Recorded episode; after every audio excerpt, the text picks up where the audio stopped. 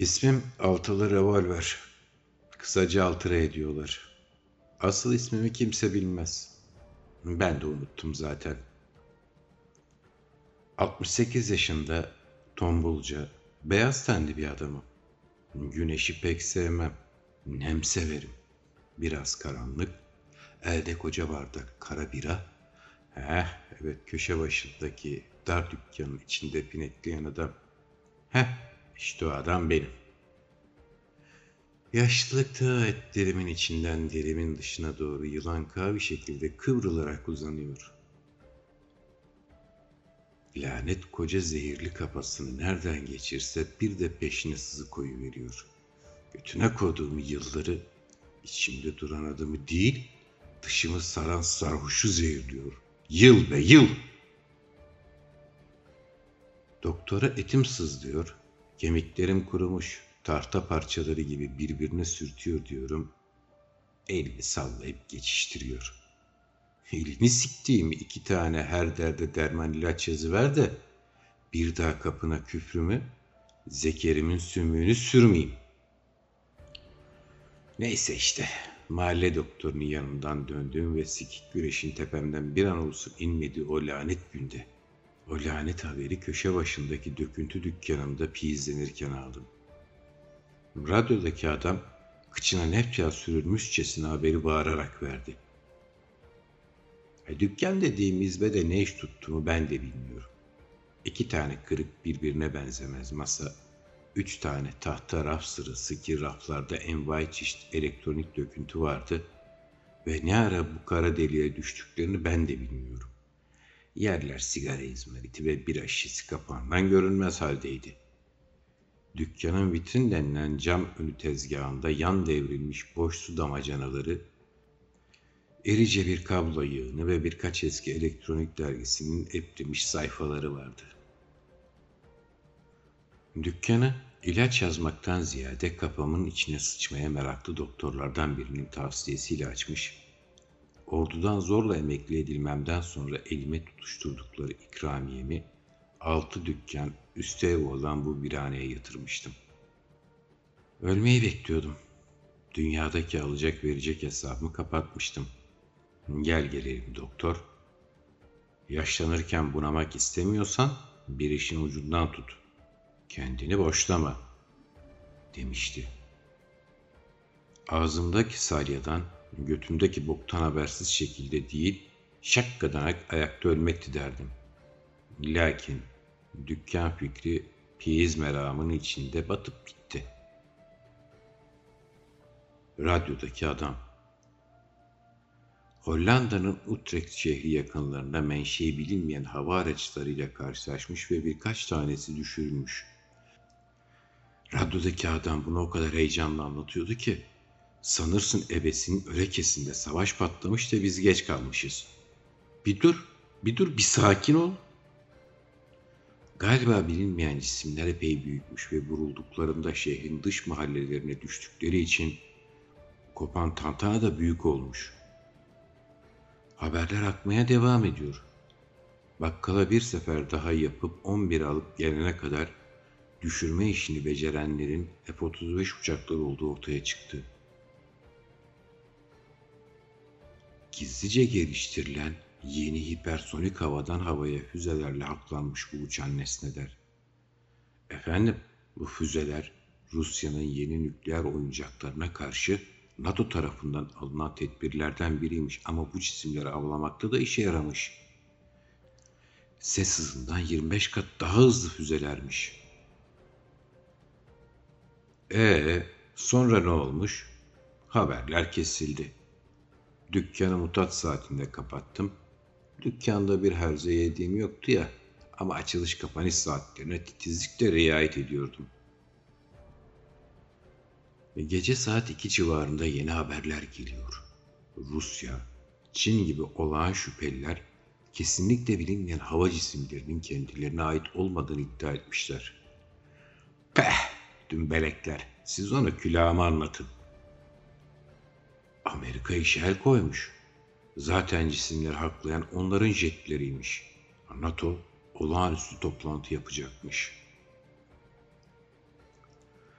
Sabah besmele çekip dükkanı açtım. Diğer esnaf bana uzaktı. Delibaş dükkanım. Bahçeli evlerle sarılı bir garip kuş yuvası gibiydi. Radyodaki adam neredeyse kükreterek anlatıyor. Bir yavaş yol yavşak kulaklarım paralandı. Bilinmeyen uçan cisimlerin bu dünyaya ait olmadıkları kesin kes teyit edildi. Böylece yüzlerce görgü şahidin olay anından itibaren anlattıkları doğrulanmış oldu. NATO sözcüsü saat 12'de açıklama yapacak. Güzelce kahvaltımı ettim. Yanında taze yapılmış kök birası da yağ gibi gitti. Meret hafif yemeklerle yakışıyor. Şu göt kapalı komşular izin verse arkadaki ortak bahçeyi komple imbikane yapacağım da işte götler ne yapacaksın? Akşama doğru Rusya, Çin ve Hindistan'ın bilgi almak için heyetler gönderdiği haberi verildi. Normal tabi. Boru değil uzaylı lan bunlar. Kime neyin gireceği belli olmaz. Radyodaki adamı billur sesli bir kızla değiştirmişler. Oh be! Ak yavrum ak kulağımdan içeri beyni geç aşağılara doğru uzan. O kızın adı Heyecan. Bir hafta içinde tüm dünyayı aldı mı bir heyecan? Ortalıkta uçuşan fikirleri, teorileri ucuca bağlasanız cehennemin dibine kadar uzatabilirdiniz. Ortalık andavaldan, anguttan geçilmiyor. Elini sallasan astrofizik uzmanına, şeyini sallasan terrapor mühendisine çarpıyordu. Allah'tan televizyona tövbeliyim. Gözlerim şen, gözlerim muhteşem. Lakin zavallı kulaklarım tövbemden yararlanamıyor. Ortalıkta açığa verilen doğru dürüst bilgi yoktu. Ama maşallah olmayan bilginin uzmanı da çoktu. Billur sesini duydukça heyecana geldiğim o spiker hatun olması çoktan haber takibini bırakırdım. Ama onun sesten vücuda gelmiş hayali varlığını kulaklarımdan içeri alıp koynuma sarmadan yatamaz olmuştum. Ben ölmek sırasını bekleyen adamım. Dünyaya uzaylı gelmişse gelmiş. Amına koyayım bana mı gelmiş? Vay anasını avradını. Başta çok sallamadım. Fakat iş ciddiymiş. Tamam benim derdim değil diyorum ama dünya diye bir yer olmazsa ayakta öleyim, yatakta öleyim diye bir seçenek kalmayacaksa o zaman benim derdim olabilir. Doğal yollardan gebermeyi bekleyen adamım. Kendimi öldürecek, öldürecek kadar karaktersiz değilim. Hem asker adamım ben. Yok öyle her loloya pabuç bırakmak. Uzaylılar vurulduktan yedi ay sonra nihayet konu Birleşmiş Milletler önüne geldi. Neler biliyoruz? Bir kere beş tane uçan cisim vurulmuş. Üçü tamamen yok olmuşken bir kısmı, diğer biri ise çok az hasar almış şekilde ele geçmiş. Hepsi otonom araçlar. Bilinen organik bir yük yokmuş. Teknolojileri dünya teknolojisinden çok da ayrık değilmiş. Hatta şu an uçuş kontrol ve uçuş teknolojisi çözülmek üzereymiş. Üzerinde harıl harıl çalıştıkları konu bilgi sistemleriymiş. Tatlı kızın yorumlarıyla beraber konu 3 ay Birleşmiş Milletler ağzında çiğnendi. Bir bak çıkmadı. Hala daha düşen cismin mülkiyet hakkı, kimin bilimsel inceleme saatinin kaç saat olacağı hakkındaki atışmalar falan derken iş çorbaya döndü. Gerçi kalabalık bir bilim insanı heyeti asıl incelemeyi yapıyorken bu dalaşı manasızdı. O insanların her biri bir dereden gelmemiş miydi? Sahiden. Vartanın üzerinden bir yıl geçmişti. Ben de o arada 134 kasa bira için mahallenin kasabını dövmeye çalışırken iki ön dişimi kaybetmiştim. Ama adamı deli mariz dedim ha. Tövbe altı ay ağız yoluyla beslenemezdi. Bir gün çok tatlı, keman kaşlı siyahi bir ablanın uzaylı zıvığını yani dilini çözdüğü haberi radyolardan duyuruldu. Dükkana erzak deposu yaptığım için yukarıdaki evimden durum takibi yapıyordum. Bir de yalandan yok, ölümü bekliyorum. Yok, siyimde değil tabi. Diye kendimi kandırıyormuşum. Hey Lolo! Masalar esnay. Onların karmaşık iletişim dilini dünyadaki yazıların dönüştürülerek iletilmesi aşamasında yakalaması sayesinde çözülmüş. Üstel topolojik matematik formüller yardımıyla ki onların yazı dili geometrik aksiyonlara dayalıymış, bizim dillerimize dönüştürmek mümkün olmuş. Düşürülen cihaza Zonot adı verildi. Bir ay sonra onların veri ağına sızmak mümkün oldu. İletişim git gel dört gün sürdüğü için Zonat ağlarını hallaç kumu gibi atıyoruz. Kuzey Koreliler ve İsrailliler bu konuda pek mahir. Zonatalılar ki gezegenlerin adını onların dilinden İngilizceye çevirince yaklaşık böyle bir söylenişi varmış, çok uzun müddettir dünyayı gözlüyorlarmış. Biz farkında olmadan onların gezegenini 2015 yılında keşfedip adını K2 18b koymuşuz. Dünyaya 110 ışık yılı uzaklıktaymış. Turuncu bir yıldızın etrafına dönüyormuş. Foton köpüğü denen bir teknoloji sayesinde uzun mesafeleri ışık hızını aşan hızlarda kat edebiliyorlarmış. Temel olarak evrenin kendi genişleme hızından yararlanan bir teknoloji. Yani bildik fiziğin bilinmedik yollarla arkasından dolanıyorlarmış diyelim. Götü kolla. Haberler kötü. Kolla götü. Bu akşam radyomdan akan kara haberleri havada akıp giderken bıraktığı ize bakıp bu lafı dudaklarımdan tıslatarak bıraktım. Onların gezegen ölmekteymiş. Soğuyan pirosfer katmanı gezegenin doğal dengesini yıkmış. En yakında bulunan benzer atmosfer konsantrasyonuna sahip gezegen bizimki olduğundan ki gezegen kütleleri de birbirine yakınmış, dünyaya el koymak için hazırlanıyorlarmış. Dev bir filo inşa edilmiş. Hazırlıklar sürüyormuş. Beyaz şapkalılar harekat tarihini bile tespit etmiş.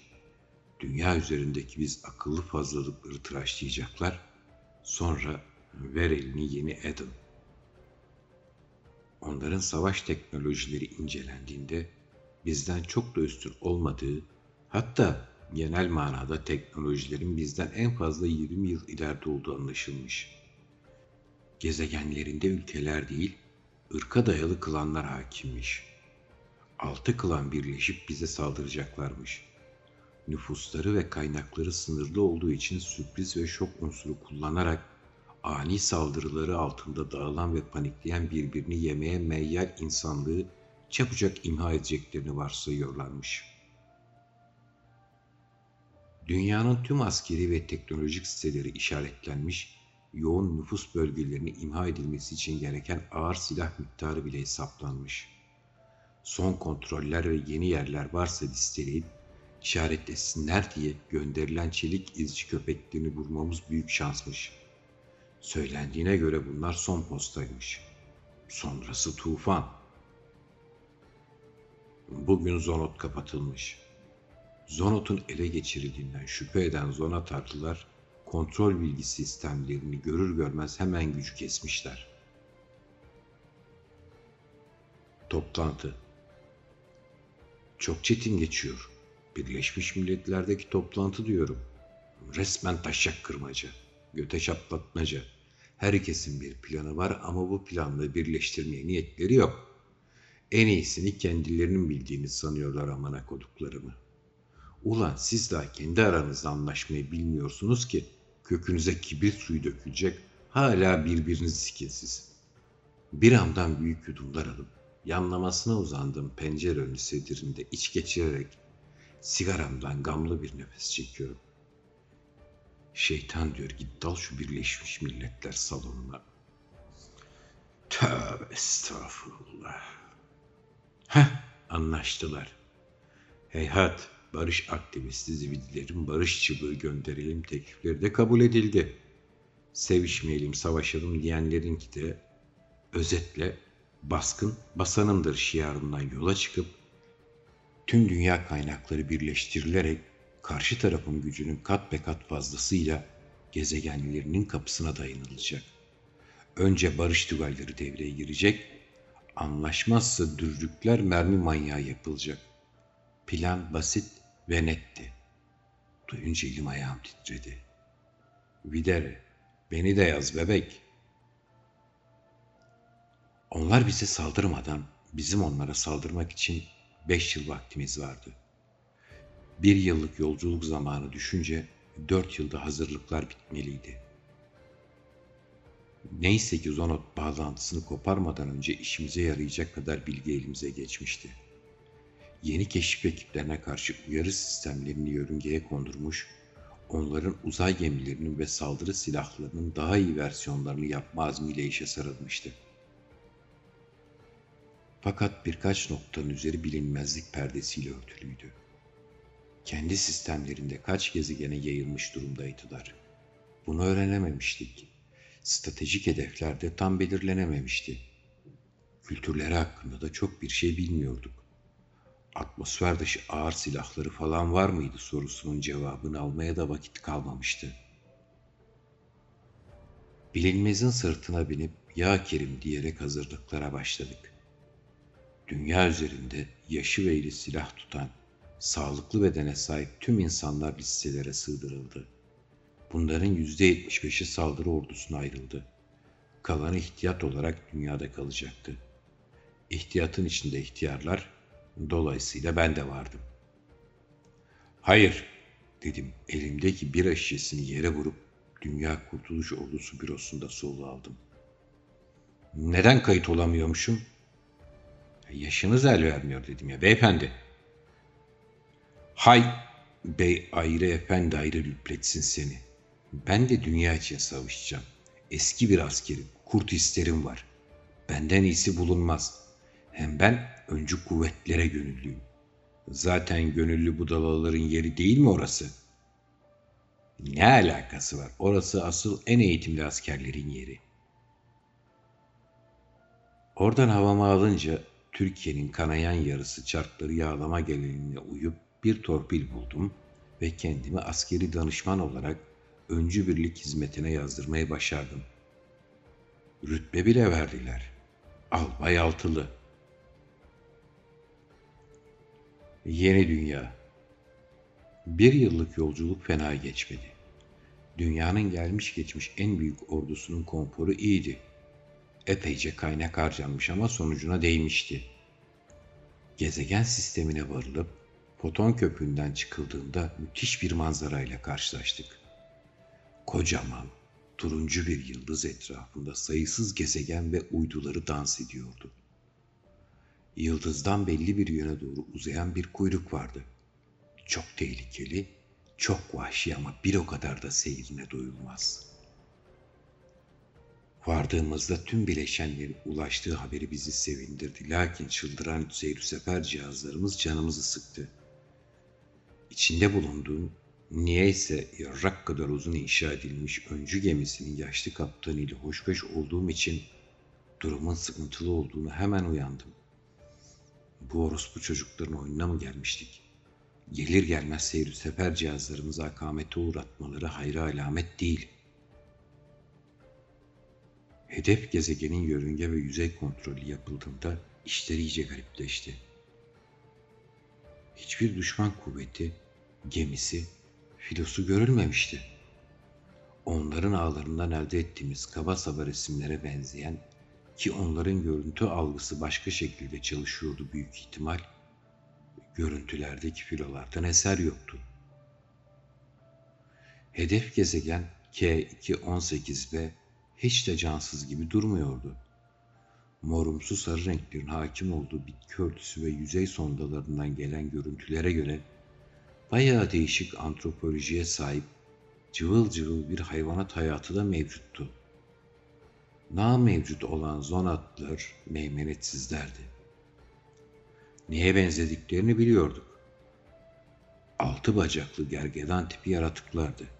Gerçi ırktan ırka şekilleri epey değişse de üç aşağı beş yukarı tipleri buydu. Sırtlarından çıkan ahtapot dokunucuna benzer eleyicilere sahiptiler. Ama ortada yoktular. Şehirlerini bulduk. Bizdeki resimlere benzemeyen, metalden mamul, sivri uçlarla biten dev kule ormanlarında yaşıyorlarmış meğer.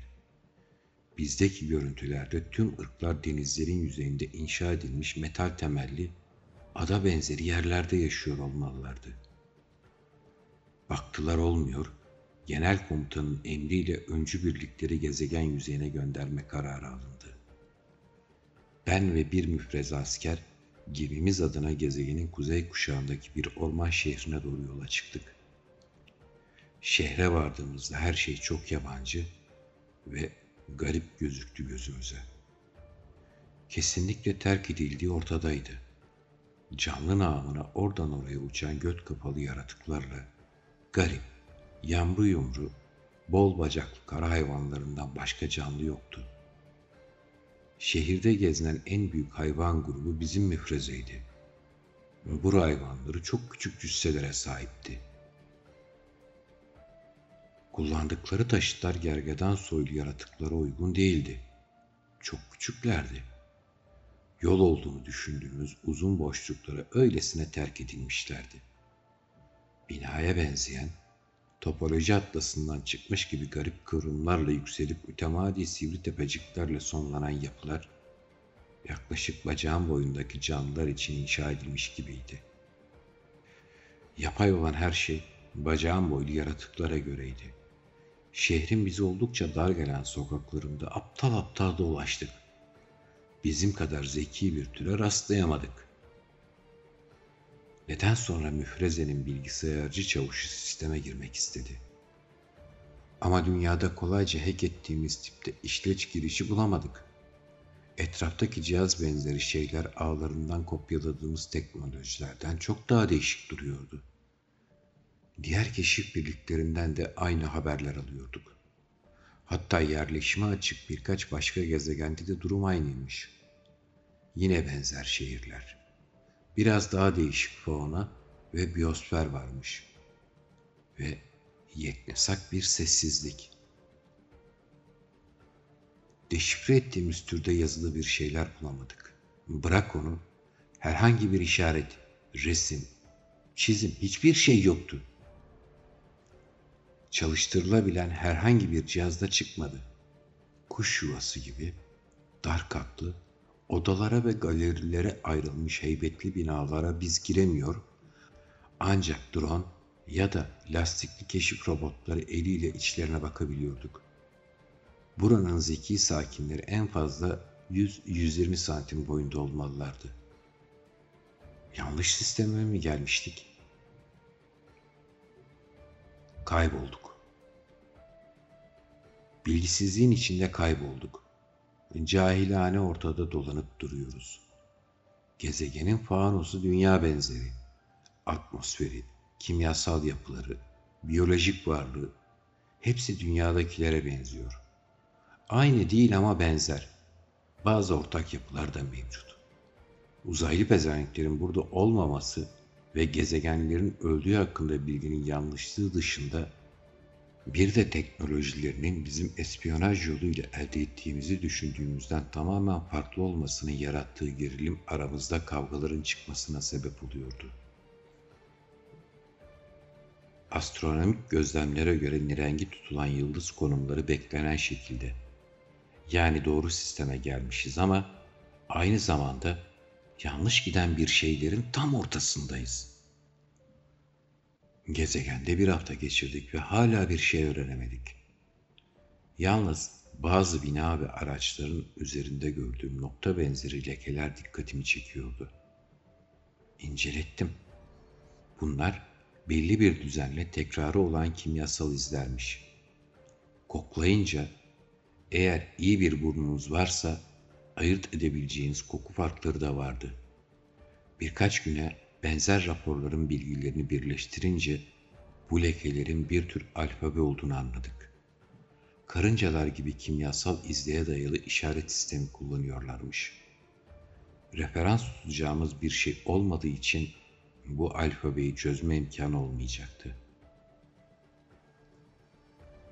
Bir iki gün sonra askerin biri yanlışlıkla ses çıkaran bir cihazı çalışır hale getirdi. Nasıl yaptığını o da bilmiyordu. Sesler yüksek frekanslı kuş seslerinin vızıltıya kayan şekilde tizleşmesine benzer şekildeydi. Bu sesleri kod çözücü bilgisayarlara aktarınca bir tür konuşma dili olduğunu keşfetmiş olduk. Hayret, espiyonajda ele geçen bilgilere göre konuşmaları insan sesine benziyordu.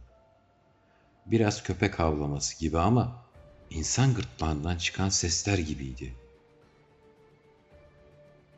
Gezegenleri ölmüyordu. Hatta sistem içinde üç farklı gezegende daha kolonileri vardı. Peki bu yalanı neden atmışlardı? Neden bu mümbit sistemi terk etmişlerdi? O değil, bu değil. Lan bu dümbükler yoksa... Müfrezeyi topladığım gibi keşif gemisine doldurdum ve derhal ana gemiye dönme emri verdim. Pincere, kapan. Hemen dünyaya dönmeliydik. Bu siktiklerin bizi aptallığımızın ağına düşürmüştü. Meramımı anlatana kadar göbeğim çatladı. Göt kapalı kurmaylar sözlerime zar zor ikna oldular. Tuzağa düşürülmüştük işte. Her şey bir oyundan ibaretti. Keşif robotlarını yakalatmaları, bizim onların dilini çözdüğümüzü düşünmememizi sağlamaları hepsi bir düzenin parçasıydı. Epeydir bizi gözledikleri, bunu kendilerine sermaye yapıp zafiyetlerimizi yemledikleri artık aşikardı. Hatta Tonga'ya düşmemiz için tamamen yapay bir dil ve bizimkine benzer bir teknoloji bile icat etmişti şerefsizler. İnsanların hırsını, cahilane bilgelikleriyle her şeyi kavrayabileceklerini düşünen şişkin egolarını parlatmış, hatta patlatmıştılar. Hançerlerini sırtımıza kolayca geçirmişlerdi. Ayılma. Sorularımızın cevapları derhal toparlanıp dünyaya dönme kararı aldığımızda yüzümüze çarptı. Zaten geldiğimizden beri dünya ile bağlantı kuramamamız kurmay sınıfının canını sıkıyordu. Duruma uyanıp dönmeye çalıştığımızda foton köpüğü teknolojisi çalışmayınca canımız iki kat sıkıldı. Gizlice stokladığım bir azulonu ana gezegene taşıdım. Gezegende derme çatma bir ev inşa ettim. Benimle gelenlerle yardımlaşarak küçük bir kasaba cesametinde yerleşim birimi oluşturduk.